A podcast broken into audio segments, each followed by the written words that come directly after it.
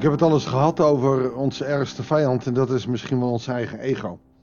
Gevoed door wat Satan wil, of wat onze eigen wil wil, of wat onze uh, buren willen, omdat zij groene gras hebben.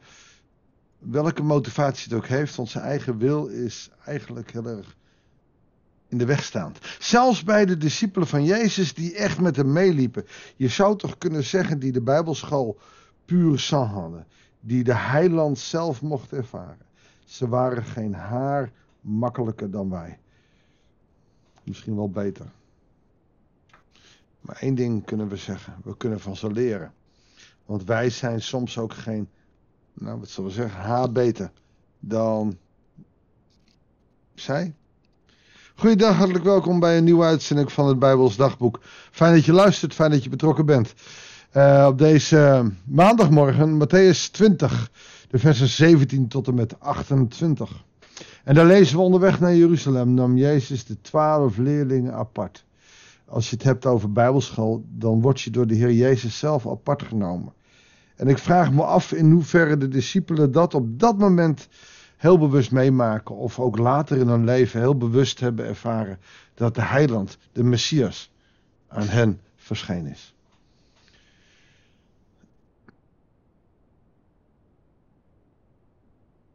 Hij zei tegen hen, we zijn nu op weg naar Jeruzalem, waar de mensenzoon zal worden uitgeleverd aan de hoge priesters en de schriftgeleerden, die hem ter dood zullen veroordelen. Ze zullen hem uitleveren aan de heidenen en die zullen hem bespotten, geeselen en kruisigen. Maar op de derde dag zal hij worden opgewekt uit de dood. Wow, je loopt met de rabbi mee. Van Mount Hermon, aan het noordelijk gedeelte van Israël. Zo via Capernaum, Tiberias naar Jeruzalem. En dan zo tijdens het wandelen komt Jezus daar even met de mededeling: Jongens, ik zal sterven. Oké, hij zegt het allemaal wat tactischer, de mensenzoon, maar ze weten waar hij het over heeft. En een beetje flauw, maar dan komt er weer een vrouw, zoals Eva, niet tegengehouden door haar man of zonen, op Jezus af. Hij heeft dus net gezegd, de mensenzoon zal moeten sterven. En hij heeft het over zich. Dan komt de moeder van de zonen van Zebedeus met haar zonen naar hem toe. En ze wierp zich voor hem neer om, om een gunst te vragen. Nou, als je het hebt over ego, dan is dit de top of the bill.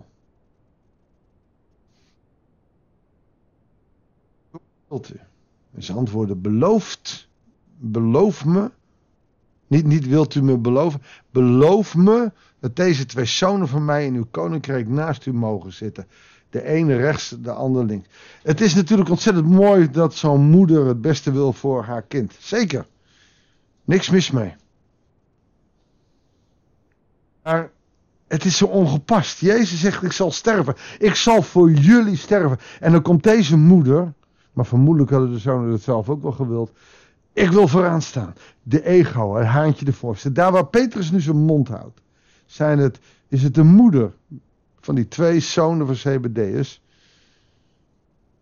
Mogen mijn kinderen vooraan, mogen mijn kinderen naast je zitten. Mogen mijn kinderen de belangrijkste zijn. En dan kan je dat kinderachtig vinden. Maar het is beeld voor wat de christelijke kerk wil. Ik heb in de kerken, al heel veel kerken gewerkt en ik kom op heel veel kerken. Maar zelden kom ik echt hele nederigheid tegen. Maar vaak Alsof ouderlingen lekker belangrijk voor een naam krijgen. En ze voelen zich belangrijk en ze willen heersen. Dienen is er niet bij. Leiderschap, dat kan alleen maar goed gaan als je dat dienend doet. Nederig. Dat is wat de Heer Jezus ons leert. Dat zullen we vandaag ook leren. Maar Jezus zei tegen jullie weten niet wat je vraagt. Kunnen jullie de beker drinken die ik zal moeten drinken? Ja, dat kunnen wij, antwoorden ze de jongens uh, netjes. En toen zei hij, uit mijn beker zullen jullie inderdaad drinken. Waar doelt hij op? Nou, dit is zeer vermoedelijk. Uh, A, of het avondmaal, hè, dat hij de beker de dankzegging, oftewel het lijden meemaken. Ofwel doelt hij hier op de dood die zij misschien zullen sterven. Maar wie er rechts of links van mij zullen zitten, kan ik niet bepalen. Die plaatsen behoren toe aan hen voor wie mijn vader ze heeft bestemd. Oftewel, jongens, dat gaat je niks aan. Ik zeg je, ik zal sterven. Bam. En jullie vragen wie van jullie de belangrijkste is. Jullie vragen, jullie vragen het onmogelijke.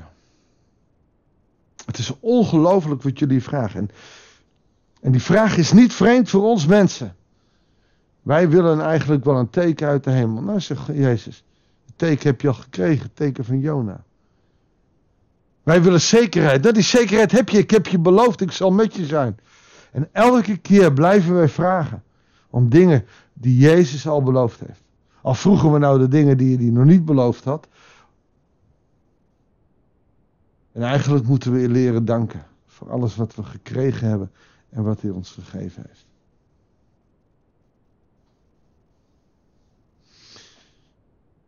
Toen de andere leerlingen van hoorden, namen ze het de beide broers kwalijk. Ook zoiets. En Jezus riep hen bij zich en zeide: Jullie weten dat de heersers hun volken onderdrukken en dat de leiders hun macht misbruiken. Zo mag het niet bij jullie gaan. Dus nou zegt hij ook tegen de tien anderen: Jullie zijn net hetzelfde. Wie van jullie de belangrijkste wil zijn, moet dienaar van de ander zijn. En wie van jullie de eerste wil zijn, moet slaaf zijn van de ander. Zoals de mensen zo niet gekomen is om gediend te worden, maar om te dienen en zijn leven te geven, al losgeld voor velen. Jezus zelf, koning van hemel en aarde, is hier het voorbeeld voor zijn discipelen, maar ook voor ons. Hij is niet gekomen om te heersen, hij is gekomen om te dienen. En steeds meer leiderschapsprocedures gaan eigenlijk wel volgens uh, het beeld van het dienend leiderschap. En ik denk dat dat ook de enige goede manier is. Dienend leiderschap. Niet wat ik wil, maar wat God wil. Niet wat ik wil, maar ga eens informeren wat de mensen willen. Want het gaat niet om wie ik ben. Het gaat er om wie de ander is. Het gaat er om wie ik wil dienen en waarom ik die wil dienen. Niet omdat ik zo goed ben, maar omdat God zo goed is. Niet omdat ik zo goed ben, maar omdat die ander ook wat in zijn mars heeft. Wij, we willen veel te veel heersen. In plaats dat we willen gaan dienen. Wij, wij willen niet zijn als Jezus. Ja, dat willen we wel. Maar als puntje bepaald komt, moet Jezus dan op onze manier zijn zoals wij willen dat hij is. En Jezus zegt, wil dan maar de minste zijn. Ik zie zoveel christenen, inclusief mezelf, die daarmee worstelen. De minste zijn. Alleen die hele bescheidende. Maar dat zijn vaak mensen die niet eens voor zichzelf durven opkomen. Maar zij zijn ons voorbeeld. Het gaat er niet om de eerste, de beste te zijn. Het gaat er in het koninkrijk er helemaal niet om wie het eerste er is. Het gaat erom wie jij bent en wie jij mag zijn. Namelijk dienend leider. Dienend leider van jouw huis, van jouw gezin, van je vriendengroep, van alles wat je in je leven mag dienen. Maar wel op een dienende manier. Christenen leren. En daarin, en vergeef me het woord, zijn christenen vaak stront eigenwijs. Nou, nou is het er even uit. Wij kunnen niet dienend leiderschap hebben. Op een of andere manier zit ons ego enorm in de weg. Maar het is wel iets waar we naartoe moeten streven. Dat begint gewoon in je eigen persoonlijke leventje. Op je werk. En dan hoef je nog niet eens een leider te zijn. Maar ook jouw werk kun je dienend doen. Ook boodschappen kun je dienend doen. Die cashier, die kun je dienend danken voor haar werkzaamheden. Diegene die vakken vult, die jou zo goed geholpen heeft, bedank hem of haar, omdat zij jou geholpen hebben. Durf nederig te zijn naar je kinderen en toe te geven dat jij ook wel eens verkeerd zit. Nederigheid en dienen liggen heel dicht bij elkaar. Met oh, wat zitten onze ego's in de weg. Zal ik we bidden? Heere God, Ik wil u vandaag bidden. Heer, ik weet niet hoe, maar verbrand, verpulver ons ego. Leer ons onze ego bij u te brengen en het kapot te laten maken, te laten snoeien, zodat wij kunnen leven als dienende mensen. Die kunnen zeggen, niet ik, maar u in mij.